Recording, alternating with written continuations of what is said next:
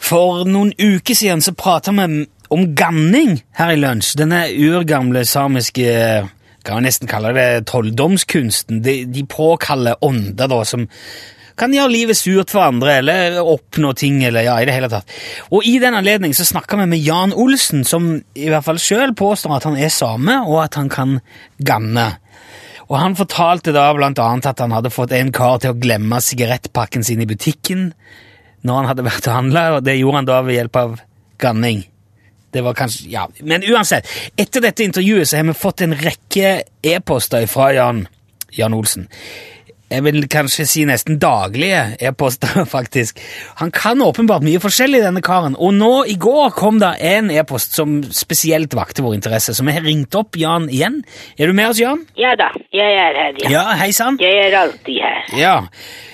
Ok, du, men du skrev noe i mailen din i går som jeg ble veldig nysgjerrig på, Jan. Ja, jeg er jo en veldig interessant person, så Ja. det skjønner jeg godt. Du skrev at du kan ikke bare ganne, du kan òg fly.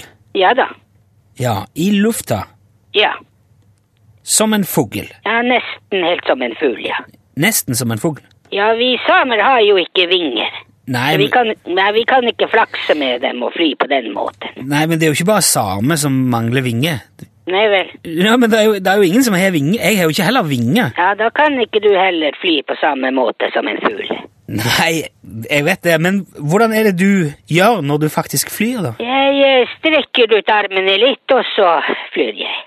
Altså, du, du strekker ut armene, sier Ja, du. eller så holder jeg armene i ro. Ja. Armene er ikke det viktigste. Ok, hva er det som er det viktigste når du skal fly? Eh, oppdrift, tror jeg. At Ja. du kommer deg opp i luften. Det er først når man er i luften at man kan fly. Ja. Man kan ikke bare stå på bakken og si at man flyr. Man må være i luften. Ja, jo, det, det, jeg skjønner det, men eh, Ok, for å spørre, hvor er det du flyr, da, når du flyr? Ja, det kan være litt rundt forbi, gjerne i naturen. Jeg liker meg veldig godt på vidda, så jeg flyr kanskje litt rundt der ute. Ja. Kan du fly langt? Ja, noen ganger langt, og andre ganger bare litt. Men, men altså, Jan, stiller du deg bare opp midt på, på vidda og strekker ut armene og flyr? Ja, jeg må jo ta sats først, da. Ok. Kanskje fra en knaus eller et tre, eller, eller bare på bakken, og så tar jeg sats, og så flyr jeg derfra. Men hvor- ok, Si at du står på bakken og tar sats. Hvor langt kan du fly da? Eh, Et godt stykke. Et godt stykke? Ja, flere meter. Ja, hvor, hvor mange meter snakker vi? Eh, to og en halv, kanskje. To og en halv meter? Ja, eller to meter. Det kommer an på.